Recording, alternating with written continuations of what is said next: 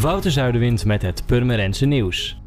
Uit een enquête onder bezoekers blijkt het leegwaterbad iets beter gewaardeerd te worden dan in 2016. Het zwembad krijgt een 7,9 als rapportcijfer en voor wat betreft klantvriendelijkheid scoort het personeel zelfs een 8,6.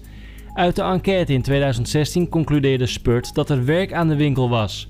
Vooral bij de zwemlessen zijn verbeteringen doorgevoerd. De analyse is gebaseerd op 420 enquêtes die in september in het zwembad zijn afgenomen.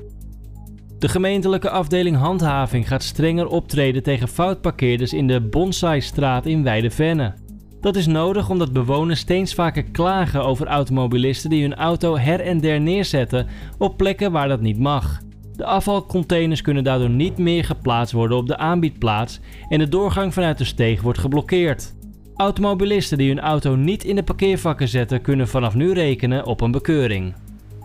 De Purmerense producer Young Kio is genomineerd voor een Grammy Award, de belangrijkste internationale muziekprijs.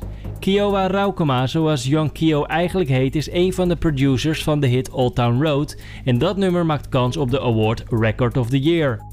Vorige week won de 19-jarige Purmerender al een prijs bij de Country Music Awards. De Grammys worden op 26 januari volgend jaar uitgereikt.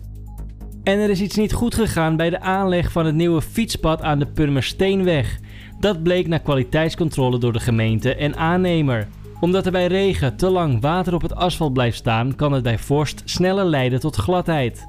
Gisteren is de aannemer aan de slag gegaan om het probleem op te lossen. De extra werkzaamheden zijn voor rekening van de aannemer. Voor meer nieuws, kijk of luister je natuurlijk naar RTV Purmerend, volg je onze socials of ga je naar rtvpurmerend.nl.